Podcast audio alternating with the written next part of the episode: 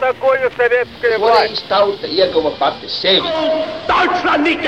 Liktenīgas nejaušības un slēptas likumsakarības, subjektīvas patiesības un objektīvi aizspriedumi. Pēc atkušņa nekad nenāk uzreiz pavasars, bet sākās Arī šodien cilvēki ir ļoti tuvredzīgi. Viņi redz to naudu, kas ir. Televīzijā jau pamatā notiek cīņa par varu. Pagātne no šodienas skatu punkta un šodienas caur pagātnes prizmu. Raidījumā šīs dienas acīm. Katru svētdienu Latvijas radio eterā Eduards Liniņš. Labdien, cienījamie klausītāji!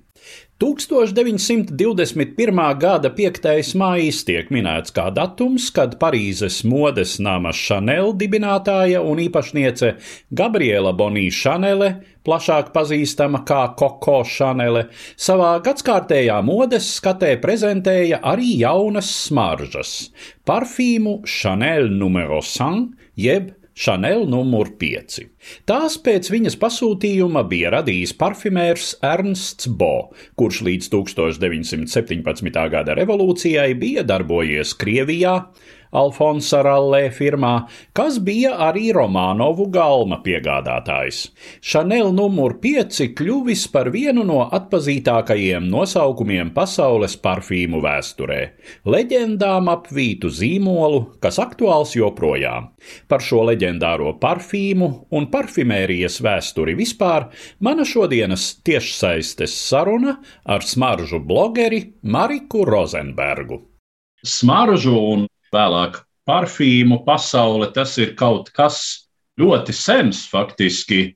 Mēs varam salīdzināt to varbūt vienīgi ar vīnu vai alu, kā tādiem vēsturiski ļoti seniem produktiem, un gan seni teksti, tā skaitā Bībele, kur ir runāts par vīrāka kūpināšanu un mirrēm, un arī arheoloģiskie izrakumi rāda, ka tuvajos austrumos, Indijā un Ķīnā smaržvielas ir bijušas pazīstamas un lietotas vēsturiski ļoti sen, bet ar kuru brīdi mēs varam meklēt tās mūsdienu smaržu ražošanas, nu, un arī parfīmu industrijas saknes, kurā brīdī tas sākas un kas ir tas kritērijs, pēc kā mēs varam konstatēt, ka nu, jā, šeit sākas mūsdienu smaržu ražošana. Kā jau tu teici, pieminot alu un vīnu, protams, ka arī smaržas un smaržu vielas ir vienmēr bijušas tur, kur ir cilvēki. Protams, iesākumā tas nevienmēr bija saistīts tieši ar ķermeņa iesmaržināšanu. Tur bija gan medicīnas nolūkos, šāmaņi kvēpināja visādos rituālos, vīraku un smaržīgās tās eļas. Un tas, kas ir kaut cik pierādīts, senākās liecības par to, kā tas tika lietots, ir no Eģiptes. Jo tempļos uz sienas ir bijuši uzraksti ar receptēm, kas ir atšifrētas, kur tika izmantotas smaržīgās viņiem pieejamās vielas, lai veidotu īpašus vīrakus. Un tātad tas viss bija saistīts ar priesteriem un tiksim, rituāliem. Un no Eģiptes arī ebreji pārņēma šīs zināšanas. Līdz ar to Bībelē, tur, kur ir minēts visas tās nardu eļļas un svaidīšanās ar eļļām un smaržvielām, tas jau nāk arī no Eģiptes. Un vēlāk, protams, tad, kad sākās dažādi ceļotāju braucieni un jaunu pasauļu atklāšana, tad arī Eiropā atved dažādas šīs smaržīgās vielas, kas uz vietas šeit vienkārši nebija pieejamas, tāpēc, ka tur ir cits klimats, citi augi, visas tās garšvielas arī, kanēlis un ingvers. Protams, arī viss tā tehnoloģiskā attīstība visu laiku ietekmē smaržu parfimērijas vispār attīstību. Un, um, bija svarīgs viens punkts, kad arī no arābu zemēm ieviesa destilācijas aparātus, alambikus, interesanti izskatīti katli ar kuriem varēja attiecīgi jau sākt ēteriskās eļļas ražot un plašāka veida izaivielas iegūt vispār parfīmu radīšanai. Par tādu modernās parfimērijas sākumu uzskata 19. gadsimta beigas, tad, kad sāka izmantot arī sintētiskās molekulas smaržu radīšanā, sintētiskās izaivielas. Un, um, modernā parfimērija, tāpēc, ka tur tiek izmantotas gan ēteriskās eļļas, gan arī šīs sintētiskās molekulas, kas iesākumā bija tiksim, kumarīns un vanilīns. Līdz ar to pirmie smaržu zīmoli, kas uh, radīja tādus uh, jauna veida parfīmus, bija piemēram Francijā Ubigan un arī Gerlēnu nams ar uh, savu slaveno aromātu džikiju kas tika izveidots 1889. gadā. Līdz ar to Chanel visā šajā ainā faktiski izceļas ar to, ka tajā laikā jau nemaz tā modes nami ar smaržām nenodarbojās. Tajā laikā bija nopietni smaržu nami, kā Kotī, Gerlēna un Karonu, kam bija gadsimta sākumā jau nopietna ražošana. Tās bija nopietnas kompānijas. Vienīgais, kas pirms tam arī jau pirms Pirmā pasaules kara modes nams Pols Poirē, kas bija tāds savā ziņā Šaneles konkurents. Nu, Šanela faktiski mēģināja ar viņu konkurēt, ja, jo viņa vēlāk ienāca Viņam bija savs arī smaržu zīmols izveidots, bet atšķirībā no šī poarē, Šanela piedāvāja tieši ar savu vārdu savas jaunās smaržas. Viņa neizveidoja atsevišķu zīmolu smaržām, bet kā papildinājumu, kā tādu accessoāru saviem modes tērpiem. Tas bija tas jaunums. Un interesanti, ka, protams, ar to iesākās šī tendence kas šobrīd, piemēram, ja ieiet parastā tādā vidēji lielā smaržu veikalā, tad tieši modes nami ir tie, kas pārsvarā tur tiek pārdot modes namu smaržas, tiksim, Gucci, Dolce Gabbana, tie visi ir modes nami. Tagad atkal sāk mazliet atnākt atpakaļ tā doma, ka tomēr smaržas ir jāpārdod uzņēmumam, kas nodarbojas tikai ar to. Jo nu jau tas aiziet teju vai līdz tādām komiskām līmenim, kad uh, smaržu līnijas vispirms tur nāca sporta apģērbu ražotāji, kā Didas un Nike, un tad pieslēdzās vēl arī automašīnu zīmoli. Es pats esmu lietojis gan Bentley, gan uh, Porsche un Mercedes. un Mercedesam un Jaguāram ir vesela līnija, un, piemēram, Pintas pildspalvu ražotājs Montblanc. Tam Jā, arī jā, nu, ir savas ir visas, protams, arī, ko mēs varam pieminēt, slavenību smaržas. Un tas Jā. viss notiek tāpēc, ka ir diezgan daudz iespēju nopelnīt, pārdodot smaržas, un faktiski tie modes nami lielā mērā ar smaržu ražošanu uztur tās savas modes skates un tās trakās idejas. Mēs varam teikt, ka faktiski Koko Šanelē, kad viņa sāka šo savu smaržu ražošanu, nu, tas bija arī zināmā mērā izrāviens tādā mūsdienu zīmolvedības virzienā. Absolūti revolucionārs gājiens, bet ko es vēl gribēju piebilst, ka smaržu pasaulē ir ļoti daudz šo mītu un leģendu, un tīpaši, kas attiecas uz vēsturi. Tur ir jālasa ļoti daudz dažādi avoti, lai vispār nokļūtu pie kaut kādas puslīdz ticamas patiesības. Un vismazāk vajag uzticēties blogeriem un internetam. Tāpēc es jums arī iesaku visu, ko es saku, lūdzu pārbaudiet vēlreiz kādā citā vēl avotā. Jo attiecībā arī par Chanel numuru 5 rašanos. Tur uz katra soļa ir jauna leģenda. Un tas, ka tiek uzskatīts, ka šīs smaržas ir radušās tieši 21. gada maijā un vēl pie tam 5.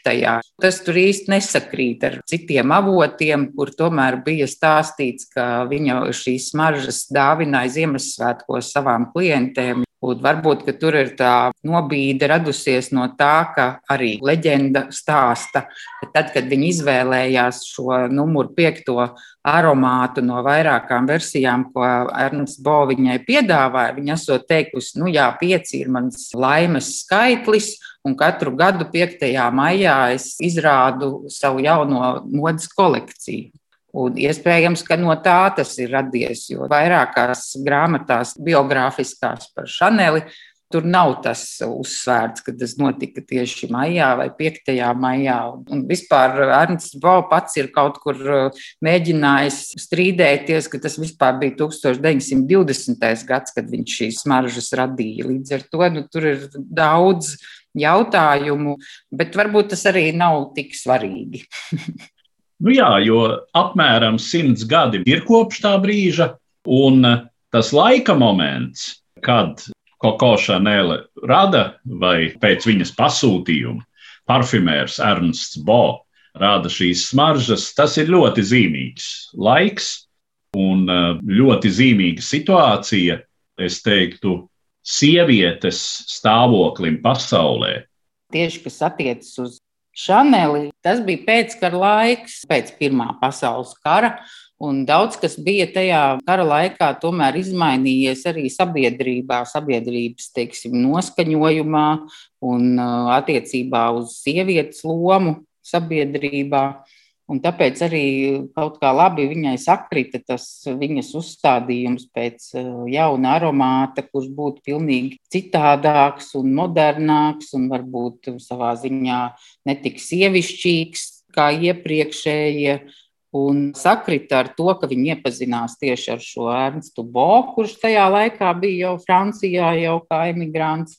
Un uh, viņam bija šī pieredze, un viņš labi izpildīja tos viņas uzstādītos noteikumus.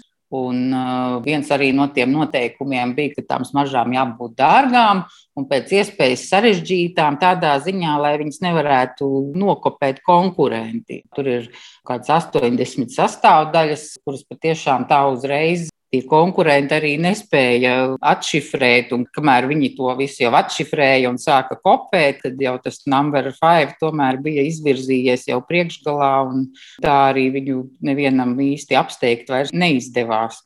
Bet eh, acīm redzot, tā bija laika prasība, ka tieši tajā brīdī tādām smaržām bija jāparādās. Jo tas, ko savukārt visnotaļ arī populāros avotos var lasīt, ka līdz tam Smaržas arī orientējās uz uh, savu patērētāju. Proti, pirmkārt, ja mēs runājam par dāmu smaržām, tad uh, tur bija diezgan strikts šķīrums, kādas smaržas, kādus aromātus lieto respektablas sabiedrības dāmas, un kādi savukārt atbilst tam, ko toreiz uh, uzskatīja par pavieglas uzvedības sievietēm. Jā, pie kurām tika pieskaitītas visas lokālu dejotājas, dziedātājas, aktrises. Droši vien dažs labs, respektabls pilsonis šai kategorijai ieskaitīja arī rakstnieces un dzēnieces, bet eh, šis jaunais izstrādājums, šis Chanel numur 5, esot bijis kaut kas, kas nerēķinās ar šīm līdz tam iestrādātajām kastām dāmu smaržu lietošanā. Pirmkārt, Kaut kādā ziņā šis aromāts arī bija saistīts ar eh, to mākslas kustību, kas tajā laikā Francijā attīstījās, proti, abstrakcionisms. Jo Chanel number 5 nav iespējams īsti raksturot, kā tas smaržo pēc tā un tā, pēc šīm puķēm, kā tas bija agrāk, vai pēc citroniem, vai pēc bergamotes, bet tas ir kaut kas, ko tajā laikā pilnīgi noteikti cilvēki īsti neprata raksturot, jo tas bija kaut kas netverams. Daudzi to uztvēra kā tādu ziemas ainavu, ko arī, nu, kā es esmu lasījusi, joprojām ir tas mīts vai stāsts par to, ka Ernsts Bo bija arī vienu laiku atradies tālu ziemeļos un šo arktisko dabas ainavu mēģinājis ar tiem svaigajiem aldehīdiem kaut kādā veidā atainot šajā aromātā. Tiek citēta arī Šanele viņas doma par to, ka sievietei ir jāsmaržo nevis pēc ziediem, bet pēc sievietes. Tātad šis ir kaut kāds tāds jauns aromāts, kas neatgādina un neatveido ziedus, bet smaržo kaut kā pilnīgi jauni un ko citi eh, vēl nebija šāda veida aromātu piedāvājuši. Un tādā ziņā, protams, nekas tam līdzīgs līdz tam nebija bijis. Es arī esmu pasmaržojusi to pašu oriģinālo formulu, kur ir pieejama Smaržu muzejā Versaļā, Osmotēkā. Viņa nav ļoti izmainījusies, kaut arī dažas sastāvdaļas ir izņemtas vai nomainītas pret kaut ko citu, jo, piemēram, tie veco laiku nitro muskusi ir atzīti par veselībai kaitīgiem. Bet kopumā tā smaržu sajūta ir ļoti palikusi attiecīgi saskaņā ar to pirmo ieceri. Runājot par to, kas saistās uh, ar šīm smaržām vēlākajās desmitgadēs un pašas Koko Šanēlas liktenī, tad tur ir vesels stāsts par to, ka, protams, tad, kad bija skaidrs, ka šīm smaržām ir liels industriālais potenciāls, tad viņa nebija īsti gatava nodarboties ar to lielu ražošanu, un tas tika atdots citās rokās. Pēc tam viņa saprata, ka viņa ir to piekritusi atdot par pārāk nelielu proporcionālo daļu no ieņēmumiem, nu, tad bija mēģinājumi atgūt vairāk vai pat pavisam un tiesāšanās, bet nu, tas viss ir mūsu gadījumā otršķirīgi un nesevišķi interesanti. Bet, ja mēs iezīmējam to, kāds tad bija Chanel numur 5 iespējas uz visu parfimērijas pasauli. Tu jau minēji par daudziem atdarināšanas mēģinājumiem, bet bez atdarināšanas ir varbūt arī dzen, teiksim, mācīšanās vai mēģinājumi radīt kaut ko līdzvērtīgu. Arī viens no tiem mītiem ir, ka Chanel numur 5 bija pirmais aromāts, kurā tika izmantoti aldehīdi, ja, šīs sintētiskās molekulas, kas šīm ziedu notīm piešķir vēl tādu spirktu, svaigu, tādu tā kā ziemas gaisa sajūtu.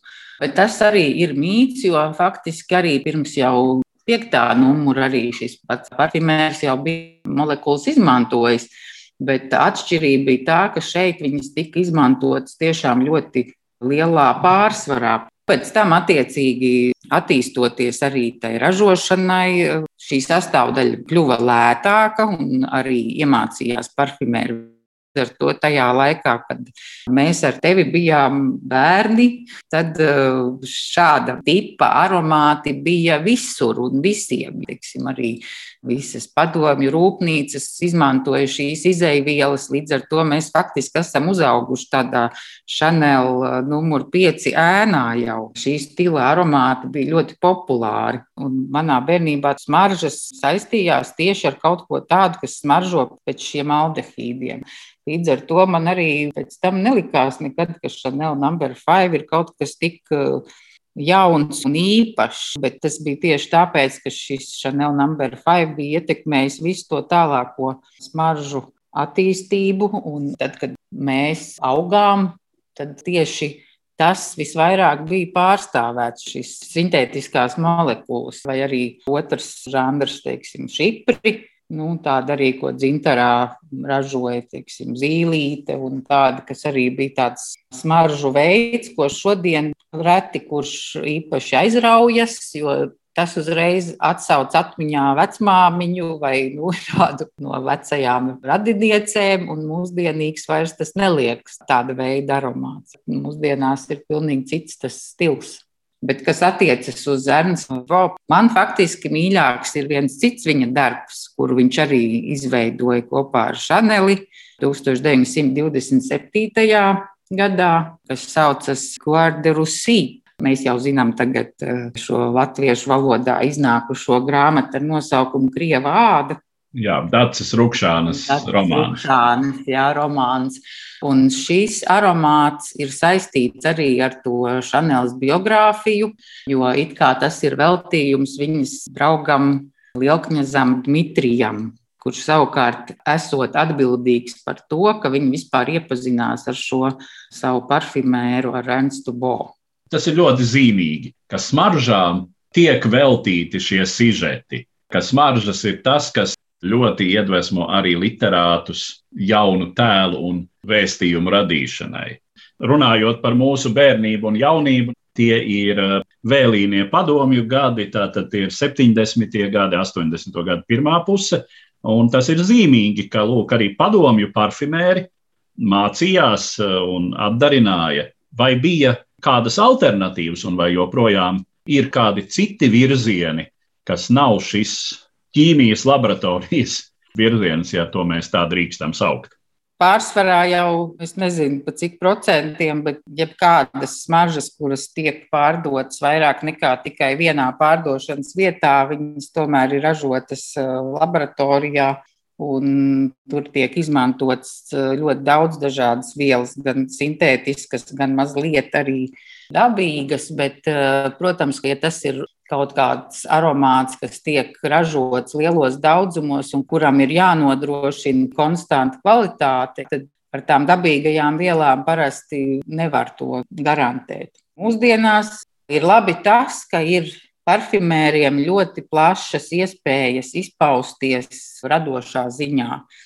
Jo mūsdienu ķīmija spēja tiešām ļoti plašu paleti piedāvāt, ko vispār var izmantot, kāda veida notis var iekļaut parfīmos, un smaržās un nodekolonos. Mūsdienās ir gan smaržas, kas smaržo pēc dūmiem, gan pēc asfalta, gan pēc zāles. Katrā ziņā ir ļoti plašas iespējas pircējiem atrast katram to, kas viņam labāk patīk. Runājot par šo modi, stilu, laikmeta garu, kā tas izpaužās parfīmu pasaulē. Ja mēs runājam par to, ka Chanel numur 5 apliecināja šo jauno sievieti, kura uznāca faktiski sociālās dzīves arēnā līdz ar Pirmo pasaules karu, pieprasot sev vietu biznesā, politikā, tad eh, vai ir bijuši kādi vēl jauni, līdzīgi pagrieziena punkti, kur arī teiksim, sociālo procesu noteiktas pārmaiņas mēs redzam, kā šobrīd atkal kaut kas citādi notiek arī smaržu pasaulē. Man liekas, viens no galvenajiem pagriezieniem ir bijis tas, ka smaržas kļūst nepiesaistītas dzimumiem, jo faktiski tā smaržu sadalīšana vīriešu un sieviešu aromātos bija arī saistīta lielā mērā ar universālu veikaliem un to teiksim, mārketingu ieviešanu. Jo, ja mēs lasām to pašu Zīshinda parfīmu, tajā laikā nebija tas sadalījums. Tur bija runa par to, ka ir viens kolosāls aromāts, ar kuru visi iesmaržina savus cimdus, un tas bija visiem faktiski viens ja bija tā mode, tad visi ar viņu smaržojās, gan vīrieši, gan sievietes. Un pēc tam likās, ka ir izdevīgāk tomēr, ka ir sadalīts tās smaržas, un tad eh, varētu teikt, ka varbūt ir 1994. Eh, gads, kad iznāk Kalvina eh, Kleina CK1, kur gan mārketingā, teiksim, reklāmā, gan visur tiek uzsvērts, ka šis ir aromāts jauniešiem, jebkura dzimuma. Un, protams, arī jau pirms 80. gadiem, kad parādījās arī Francijā pirmās tādas tā sauktās nišas smaržu kompānijas, kuras atveidoja tādas vairāk tieši dabas kompozīcijas, kas arī nebija mērķētas tieši uz konkrētu dzimumu. Kopš tā laika šī tendence, protams, ir attīstījusies un uh, ir zīmoli, kas uzsver šīs smaržas, ir uh, vai nu uniseks, bet tas pat nav iecienītākais, ir tāds gender free, piemēram, ir tāds apzīmējums, lai uzsvērtu to, ka ar šīm smaržām var smaržoties kā vīrieši, tā sievietes. Protams, tagad arī nāk atpakaļ modē tieši tie seno laiku aromāti, tādi retro, vintāžu aromāti, Pirms gadiem desmit sākās mode uz austrumnieciskajiem aromātiem, kur pamatā ir uh, ūdenots, tas ir tāds uh, agāra koka, tādi austrumnieku sveķi. Un tas uh, joprojām ir diezgan aktuāls, bet nu, jau tā mazliet apnicis. Jo, ja to lieto kā dabīgo izēvielu, šos agāra koku sveķus, tad tas ir ļoti dārgi. Un tad arī tiek lietota tā sintētiskā versija, kur mazliet atšķiras nav tik dārga, un vienā brīdī tā bija ļoti, ļoti populāra gan vīriešu, gan sieviešu aromātos. Katru brīdi, kad ir izdomāta, radīta kāda jauna, piemēram, sintētiska molekula, uz kuru sākumā ir patents, un, piemēram, to var lietot tikai šī kompānija, kuras paspārnē teiksim, šī molekula ir izgudrota, tad paiet zināmais laiks, un tad šo vielu var izmantot arī visi pārējie, un tad rodas kaut kāds jauns vilnis. Tad ir visiem, teiksim, smaržas, kas smaržo pēc vīģēm, vai visiem ir kaut kāds jauns muskus. Tas viss ir ļoti saistīts ar tehnoloģijām. Cik tad eh, plata ir tā ēna, kuru met Chanel numur 5? Vai bez šī virziena parfimērijas industrijā pastāv vēl kaut kas cits, Protams, ka pastāv ir virzieni, ir gan austrumnieciskās smaržas, piemēram, kas aizsākās ar eh, šalimāru, kur vairāk ir vanilīns un saldās notis izmantotas. Ir daudz un dažādu vielu, no kurām ir daudz un dažādi aromāti veidoti. Var, protams, viņus grupēt tādās saimēs, attiecīgi svaigi aromāti vai koksnes aromāti vai fužēri, kas arī radās jau 19. gadsimtā, jo tā zināms, daba ir ļoti bagāta un piedāvā mums ļoti plašu izēvielu paleti, kura vēl aizvien attīstās pateicoties ķīmiķu darbam laboratorijās. Protams, Chanel numur 5 ir tāds pīlārs, uz ko vienmēr atsauksies cilvēki un teiks, o, šo smaržu es varētu salīdzināt. Protams, ka tas ir nozīmīgs sasniegums, un paldies par to Šanelē, ka viņi izvēlējās tieši šo drosmīgo versiju, jo, kā zināms, bija vairākas, ko Ernsts Bo bija radījis un viņai piedāvāja. Chanel number 5 jau arī nav tik uzkrītošs, jo ir daudz eh, tādas 80. gadu smaržas kā opium un poison kas ir patiešām nu, tas 80. gadu stils, kad, eh, ja tev teātrī blakus kāds sēž ar šo sasmaržojies, tad to nav iespējams nepamanīt.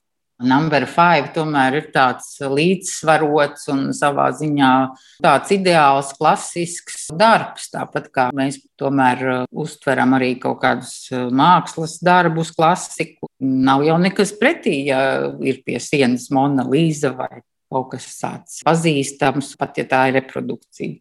Tas ir vienkārši darbs, aromāts, parfīms, kas ir iegājis vēsturē un kurš joprojām tiek turēts godā, joprojām nav novecojis, teiksim, tā savā ziņā. Jo acīm redzot, tur tā formula un harmonija ir tā sabalansēta, ka tur nekas nav ne pa daudz, ne pa maz, ka mēs joprojām varam viņu pieņemt kā savas dzīves sastāvdaļu. Tev pašai, tavā, teiksim, smaržu skapītī, kāda vieta ir Chanel uh, numur 5? Man Chanel numur 5 tiešām nepieder, bet, protams, man nebūtu nekas pretī, ja tīri kā suvenīrs arī šeit viņš atrastos. Bet Chanel kā firma ir pārstāvēta manā smaržu skapītī ar dažiem citiem aromātiem no ekskluzīvās līnijas. Esmu pazīstama ar šī modes nama darbiem un visnotaļ cienu. Un cik tas būtu, teiksim, svarīgi vienai dāmai to smaržu novērtēt, izmēģināt, varbūt pat tiešām ņemt savā arsenālā? Novērtēt un izmēģināt noteikti iesaku, vienkārši lai zinātu, par ko vispār cilvēki runā. Bet uztvert to kā tādu pienākumu noteikti nevajag, jo cilvēkam tomēr ir mazliet jāieklausās tieši savā iekšienē un jāsaprot, eh, kurš aromāts viņu uzrunā un kurš īsti nē. Un, ja šis aromāts liekas, nē, nav manējais, tad nevajag klausīt nevienam citam. Un speciāli ar to smaržoties, ja tas tev nesagādā absolūtu laimes sajūtu.